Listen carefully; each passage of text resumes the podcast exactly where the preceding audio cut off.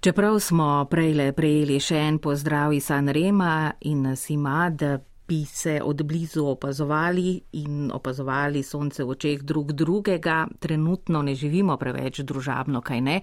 Torej včasih, ko omejujemo osebne stike na minimum, se tudi novinari dokumentarnega uredništva držijo bolj doma, kar pa ne pomeni, da se pri njih doma ne dogaja nič zanimivega.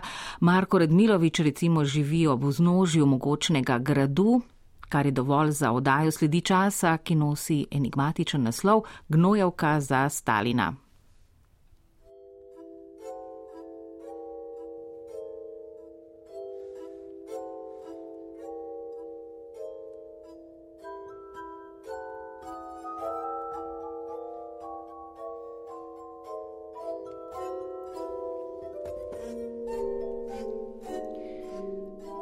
Čudni časi so in skorja reporterskega kruha je vse trša. Ne le, da so pogoji dela težji, naše osnovno poslanstvo, iti do ljudi, biti v središču dogajanja, narekujejo protiepidemiološki ukrepi. V zadnjem valu skoraj ni več mogoče potrkati na vrata, ne da bi z zvedavostjo ogrožal ali svoje zdravje ali zdravje sogovornikov. Tako reporterju ne ostane drugega, kot pogledati skozi okno in poskušati slediti času, ki teče v neposrednji bližini doma. Skozi okno vidim mogočno stavbo gradu. Grad je osrednja točka, turišče, majhne vasi, kjer prebivamo od rojstva. Svečina je zadnje čase turistično prepoznavna, njena vina slavna v zgodovini, a nenadoma se zavem, da o osrednjem objektu njene zgodovine nisem spregovoril še nikoli. Svečinski grad ni nič posebnega, grajsko poslopje, kot se jih tare po Sloveniji in ki večinoma propadajo. Tisti redki, ki se jim je uspelo pririniti do statusa protokolarnega objekta, so rešeni, velika večina pa jih životari s skromno pomočjo lokalnih okolij in le redki so del zasebnih pobud. Svečinski grad je imel noro srečo, ker je bil v zadnje stoletje svoje zgodovine namenjen šolstvu, pa ne šolstvu kot takšnemu. Ker grad leži sredi vinorodne in sadjenosne pokrajine, se je organsko povezal s svojim okoljem in dal domovanje priznani, a danes v glavnem pozabljeni izobraževalni ustanovi, sadjarsko-vinogradniški in mnogo let tudi gospodinski šoli v svečini. In prav o tem segmentu zgodovine stavbe bomo govorili danes. Ko se je v prvih letih novega tisočletja šolska zgodba v gradu nehala, ga je nosilo sem in tja, na koncu pa ga je za simbolni evro kupila občina Zgornja Kungota. Zadnja leta je vzdrževan toliko, da ne propada. V njem se je naselila muzejska zbirka, njegovi prostori pa občasno dajo zavetje vaškim prireditvam, Vsako leto si kak par pod oboki mogočne avle celo obljubi zvestobo. V zadnjem času pa se je nekaj posameznikov začelo spraševati tudi o grajski preteklosti. Ne samo tisti srednjeveški, temveč predvsem v letih, ko je bila v njem najmodernejša, najbolj napredna in tudi ena redkih kmetijskih izobraževalnih ustanov v Sloveniji. Ti posamezniki so obiskali danes sicer ostarele nekdanje dijake sadjarsko-vinogradniške šole v Svečini in s pomočjo teh pričevanj stkimo zgodbo o časih, ko se je vedenje o kmetijski proizvodnji začelo širiti tudi do tedaj neukih in vsaj delno izkoriščanih slojev kmetijskega prebivalstva. Govorimo o letih pred, med in po koncu druge svetovne vojne skupaj s stran potmi, a tudi izzivi in navdušenjem tistih časov vred. Alojzija Potrč, rojena Špes. V šolo sem se upisala takoj prvo leto njenega delovanja, v septembru ali oktobru šolskega leta 1945-46. Šolanje je trajalo eno samo leto, drugi letnik so dodali kasneje. Doma smo bili revni, Kot desetletno deklico so me dali služiti na večjo kmetijo. Pri osemnajstih se mi je zazdelo, da moram nekaj narediti s svojim življenjem in sem svojega bivšega učitelja prosila, naj mi pomaga napisati prošnjo za upis v tedaj na novo nastalo šolo. V prvem letu nas je bilo 31 učenk. Spominjam se, da jih je nekaj prišlo tudi iz avstrijske koroške in so na črno pristopile tedaj na novo nastalo mejo. Gojenke smo bile razdeljene v skupine, ki so tedensko krožile. Najprej smo bile en teden pri pouku, na to smo opravljale praktična dela, od kmetijskih do gospodinskih. Likanje je moralo biti tako natančno, da smo perilo zlagale po točno določenih merah. Mnogo veščin, ki sem se jih v šoli naučila, sem kasneje v življenju s pridom uporabljala. Zgodovinar Jože Koropec je natančno popisal srednjeveška stoletja svečine in okolice. Sredi 12. stoletja viri že poročajo o dvoru, kjer so bratje Sekavskega samostana imeli svoj sedež in ki je zrasel ob na novo posvečeni kapeli svetega Andreja. Svečina je torej že konec 12. stoletja gručasto naselje s svetiščem, na robu katerega stoji dvor, v katerem prebivajo sekavski upravniki. Menihi so dvor imeli v lasti vse do leta 1784, menda najbolj dramatičen trenutek pa se je zgodil 14. septembra leta 1532. Takrat so Turki med vračanjem z Dunaja odbili napad posadke gradu. Kaj se je zgodilo s prvotnim dvorom, bo ostalo pokopano v zgodovini.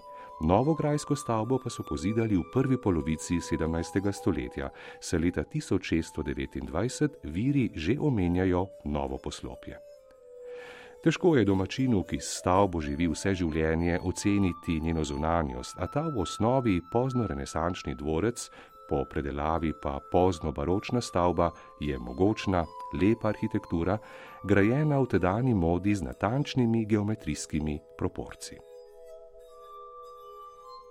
Tilčka Črnčec. V šolo me je leta 1949 upisal Štefan Trdin, ki je bil upravnik državnega posestva na plaču. Prišle smo iz vse Slovenije, Takrat se nas je v prvi letnik upisalo 60 gojenk in gojencev. Vsi, brez izjeme, smo bivali v internatu svečinskega gradu.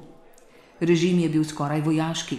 Vstajale smo ob šestih zjutraj, telovadile, pospravljale, ob sedmih je sledil zajtrk. Pouk je trajal do trinajstih, na to smo po kosilu delali na državnem posestvu. Predmetnik je bil zahteven in obsežen. Poučevali so nas slovenščino, zgodovino, zemljepis, biologijo, matematiko in fiziko, kemijo, sadjarstvo, vinogradništvo, poljedelstvo in organiziranje kmetijske proizvodnje. Grajsko poslopje je bilo v dobrem stanju, smo ga pa vsakodnevno tudi vzdrževali.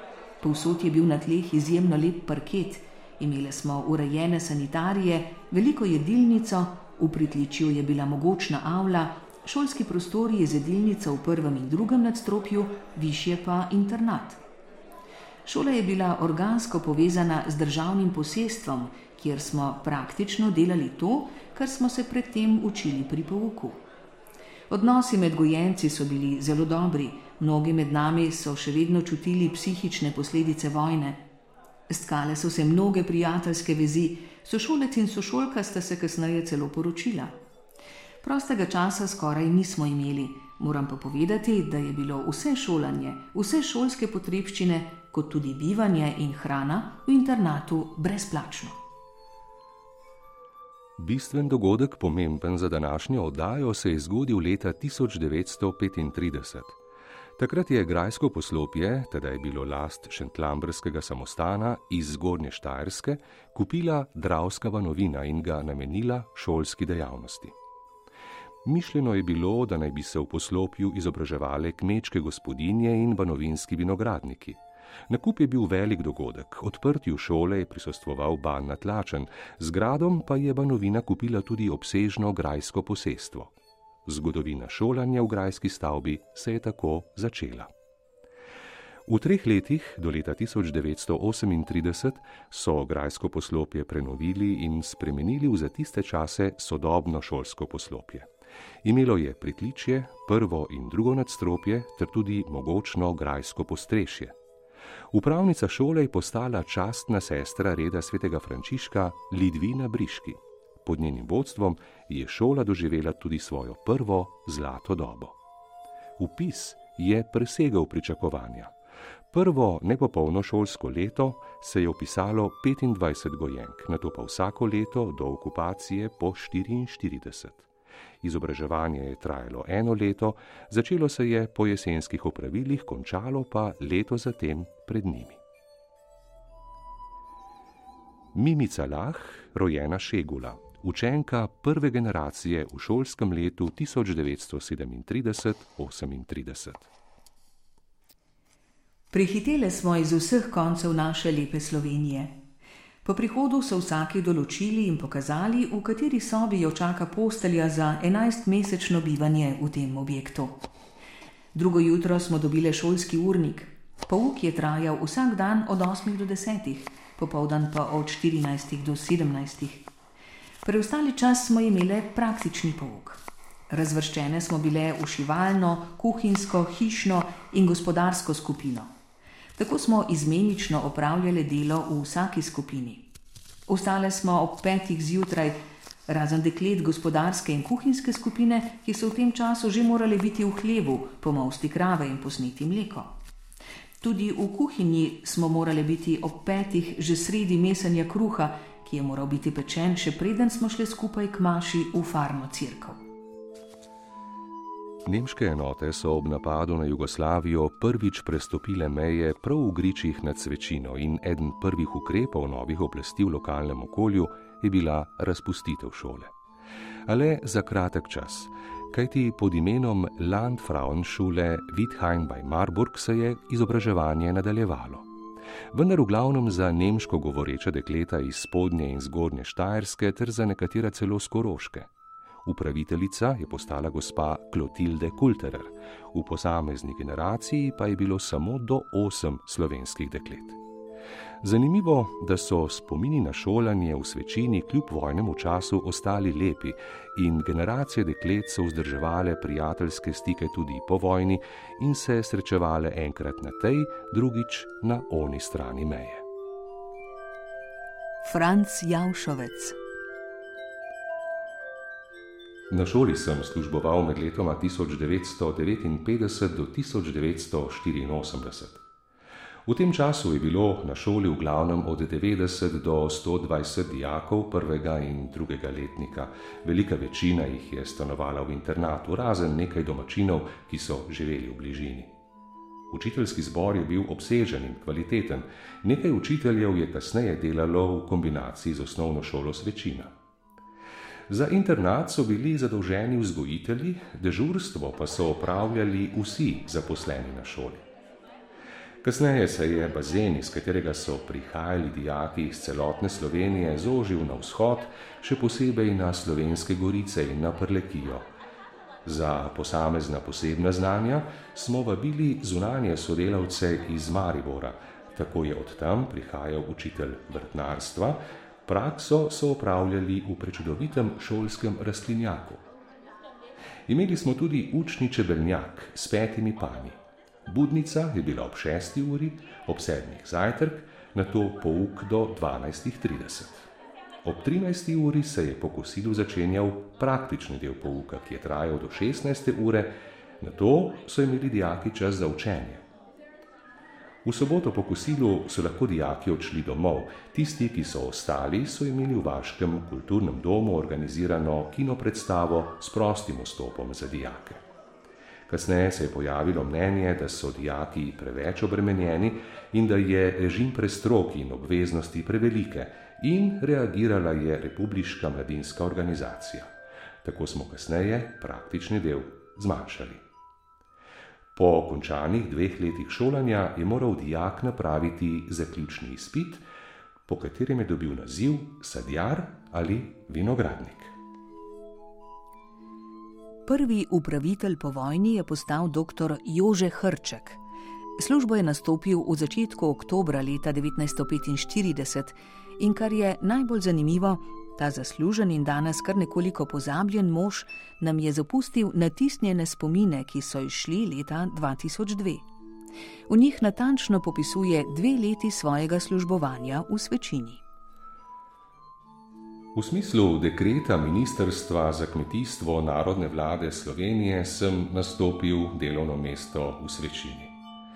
Malo mi je bilo nerodno, da kot moški prevzemam odgovorno mesto na področju gospodinstva, za kar res nisem imel nobenih kvalifikacij. Takoj pa moram povedati, da je bil čas, ki sem ga prebil v svečini, sicer kratek, vsega skupaj ni bilo niti dve leti, bil pa je zelo razgiban in zanimiv ter poln dogodivščin, večinoma nepredvidljivih v tistih začetnih porodnih krčih nove države. Pisanje dr. Hrčka ni zanimivo le za zaljubljenca v lokalno zgodovino, temveč s širokimi potezami riše čas obmejnih prask opisuje pobeglega SS-ovca, ki med morilskim pohodom iz Maribora proti svečini za seboj pušča trupla. Piše o narodnem heroju Dakiju, ki se ga je hodil na cejatu v svečinsko klet. A med raznimi obiskovalci, ki so si prihajali ogledovati šolanje bodočih kmeticev, so bili tudi skrajno nenavadni. Doktor Prček. Iz Ljubljana so mi sporočili, da pride v svečino na obisk nek profesor Moskovske univerze v spremstvu predstavnikov Ministrstva za kmetijstvo. Ker smo imeli obiske vsakodnevno, včasih celo po tri skupine, za nas to ni predstavljalo nič posebnega, saj smo imeli goste tudi s čim postreči. Ko smo v naši kleti uskladiščili skoraj vso narodovo imovino, jesensko trgatev iz zaplenjenih posestev, smo imeli 53 sodov polnih vina. Po ustaljeni navadi je kletar Darko Rožman vsakemu od sodov prislonil lestev ter vsakemu gostu štrcnil v kozarec ustrezno količino. Po pokušanju je vsak gost ostanek zlil poseben za to pripravljen bokal. Ko smo takole potovali od soda do soda, je omenjeni Rus proti vsem pravilom obnašanja pri vsaki novi sorti zmajeval z glavo, kot da je nekaj narobe. Ker mi njegovo obnašanje ni bilo všeč, sem pristopil k inženirju Zupaniču, ki je bil v spremstvu naj mi pojasni neuljudno Rusovo obnašanje. Zupanič mi je zaupal, da so Rusa poslali iz Moskve, da izbere posebno vino, ki bi ga Tito rad podaril Stalinu. Moralo je biti predelano v Jugoslaviji in moralo je ustrezati Stalinovemu okusu. Tako je Rus prečesal vso Jugoslavijo, od Makedonije do Slovenije in na koncu prišel v svečinsko klet. Ko sem to zvedel, sem bil nemalo ponosen na izkazano čast in naročil kletarju naj gre v poseben prostor v kleti, kjer smo imeli shranjene nekaj predvojne arhive. In sicer naj prinese steklenico letnika 1941, ki je veljal za izjemno kakovostnega. Ko je Rus tudi pri zadnjem sodu tekočega letnika rekel njet, smo mu dali za pokusiti letnik 1941. Bila je steklenica šardoneja in bila je na zunaj vsa blatna, saj je vojno preživela skrita v bunkerju. Ko je Rus pokusil to vino, se mu je razvedril obraz in povedal nam je, da je iskal točno takšno vino. Naročili so mi, da moram deset buteljk tega vina lepo zapakirati, aranžirati in osebno pripeljati v Ljubljano. Napravili smo zabojček, nekje smo našli ovojni papir za vsako od steklenic, okrancljali pa smo vso reč z okraski božičnih jaslic. Tako opremljen sem se s konsko vprego odpravil proti Mariboru, odkuder sem hotel na vlak proti Ljubljani. Na pol poti sem opazil, da iz zabojčka nekaj izteka. Ustavil sem in odšel v bližnjo gostilno preveriti, kaj se dogaja z vinom. Ena od buteljk se je med poskakovanjem po slabi cesti razbila kljub ovojnemu papirju in odvijati sem pričel še druge, če so ostale cele in ostrmel. V šestih od desetih buteljk je plavala nekakšna usedlina, ki je še najbolj spominjala na plevel. Odprl sem eno izmed njih in von me je skoraj vrgel po tleh. Smrdelo je, da je bilo joj. Takoj mi je postalo jasno, kaj se je zgodilo. V kleti smo imeli tri mlade delavce, vojne ujetnike, ki so bili kot nemški vojaki ujeti na vzhodni fronti. Ko so slišali, da pripravljamo zabojček za Stalina, so izlili vino in vam nalili konsko gnojnico. Vrnil sem se in nekako so se mi smilili, saj sem vedel, da so ti mladi možje veliko pretrpeli. Obljubil sem jim, da ne bom nikogar prijavil, ampak naslednje jutro ni bilo več nikogar izmed njih. Po noči so tvegano pobegnili preko meje. Prva leta po vojni je šola v glavnem povzela pred in medvojni kurikulum, pa tudi specifičnosti nove ureditve še ni bilo čutiti. Dekleta so še praznovala velike katoliške praznike, večji poudarek kot nekoč pa se je dajal na kulturno življenje. Leta 1948 se je šola tudi uradno preimenovala. Iz kmetijsko-gospodinske šole so jo preimenovali v kmetijsko-sadjarsko-vinogradniško šolo, s šolskim letom 1948-1949 pa so začeli upisovati tudi fante. Najprej jih je bilo le za vzorec, v 50. in 60. letih pa so postali prihodnji vinogradniki in sadjarji v veliki večini šolajočih se mladih na šoli. Mirko Napast. V vinarsko-sadjarski šoli Svečina sem se šolal v šolskih letih 1960-61 do 62. Star sem bil 17 let, predtem sem že končal gostinsko šolo. Doma, kjer smo imeli gostilno in veliko posest, so menili, da mi bo koristilo tudi nekaj kmetijskega znanja. Režim na šoli je bil vojaški in ko sem kasneje odšel v vojsko, mi ni bilo težko, saj sem bil vsega navajen že iz šole. Učitelji so bili strogi, zahtevni, ampak v glavnem vsi tudi pravični. Dijaki smo spali v treh velikih sobah, kjer nas je bilo od 15 do 20 dijakov. V mojem času so bile na šoli le tri dekleta, ki so seveda imele svoje prostore. Šolanje je bilo naporno. Do povdanskemu delu na šoli je sledil praktični pouk z delom na šolskem posestvu, kjer ni bilo heca. Delali smo tudi najtežja dela, celo kopali vinograd, kar je fizično izjemno zahtevno delo. Ko so nas poslali delati v klet, smo vedno poskušali ukrasti nekaj vina iz sodov. V mojem času so obnavljali avlo, s teraco so opremili tla, umetnik vidic pa je na steni ustvarjal mogočno zidno fresko. Kljub železni disciplini smo fantje vedno kakšno ušpičili, imam pa na šolo še danes izjemno lepe spomine. Šola mi ni posredovala le praktičnega znanja, ampak tudi vse napotke za vse življenje. Kako kvalitetna je bila, pa izpričuje dejstvo, da so se mnogi njeni dijaki šolali še naprej, študirali in postali uspešni in cenjeni agronomi in vodilni delavci. Med letoma 1952 in 1962 je sadjarsko-vinogradniška šola s svojim dveletnim programom cvetela postala je slovensko prepoznavna, primerjalna prednost pa je bilo šoli dodeljeno 170 hektarjev veliko šolsko posestvo. Posestvo so predvsem z mislijo na pedagoško delo, manj na proizvodnjo, opremili z najsodobnejšimi kmetijskimi stroji.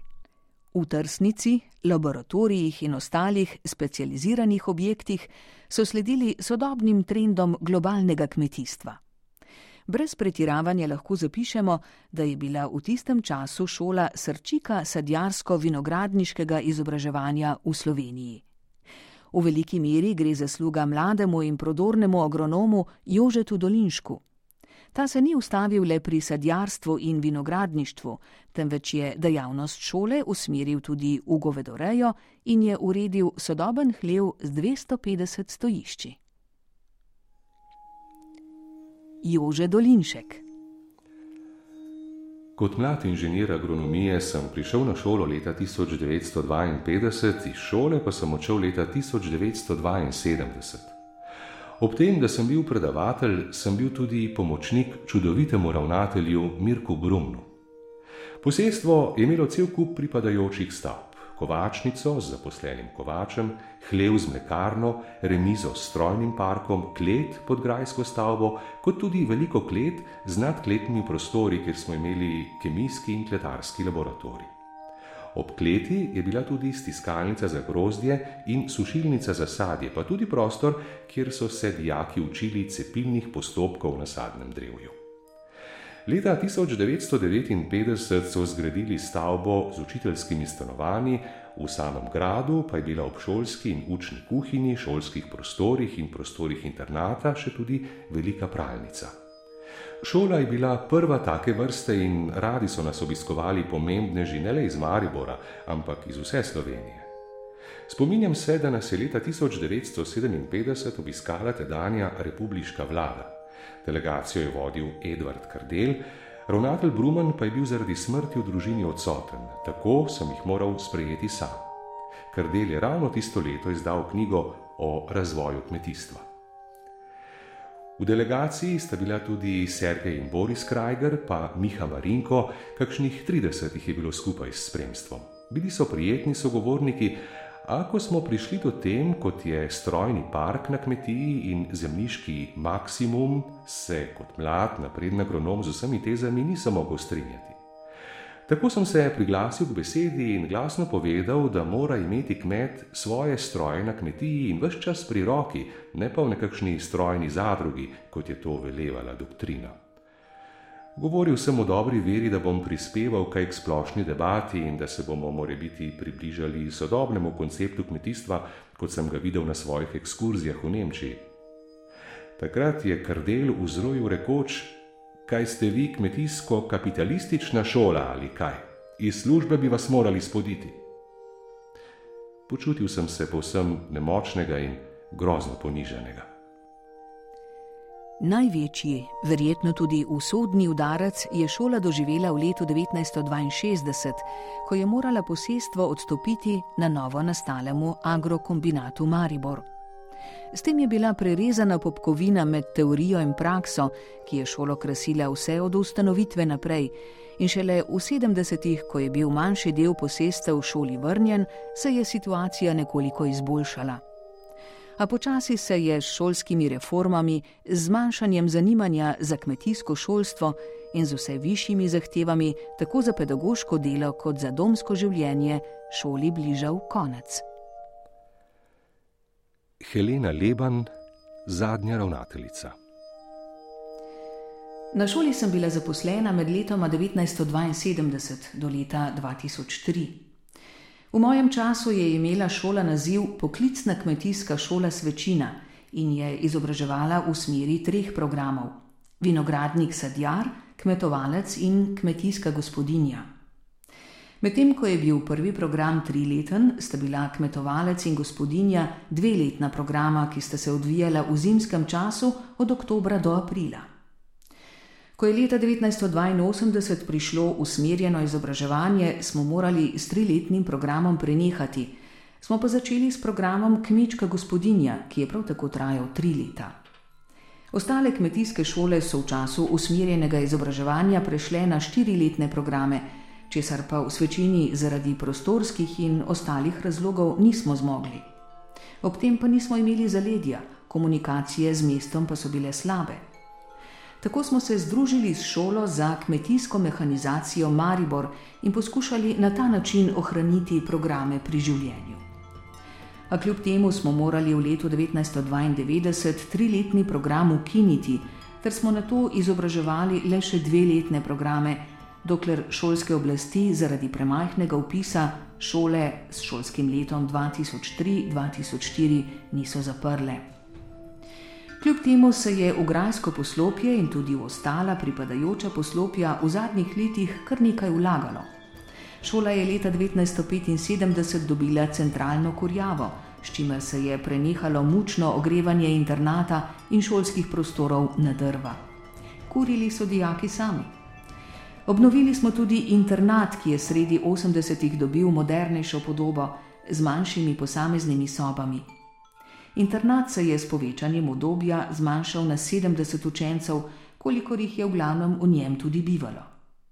S padanjem upisa smo začeli sprejemati tudi dijake brez končane osemletke, ki so s pomočjo učiteljev na šoli osnovno šolanje končali kasneje na Delovski univerzi.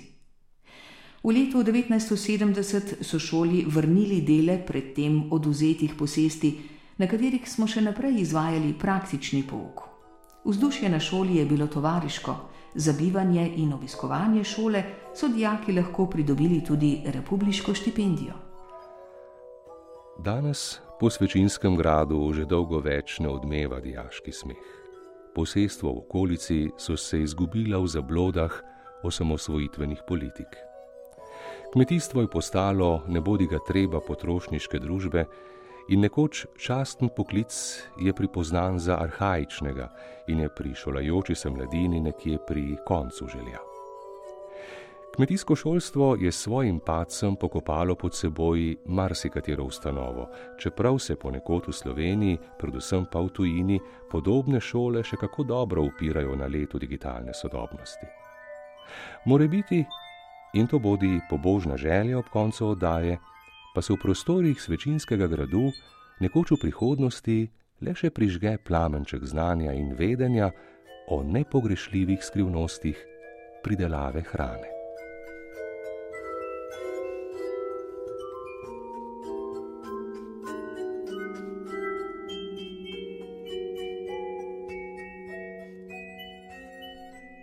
Spoštovani poslušalci, poslušali ste oddajo Sledi časa.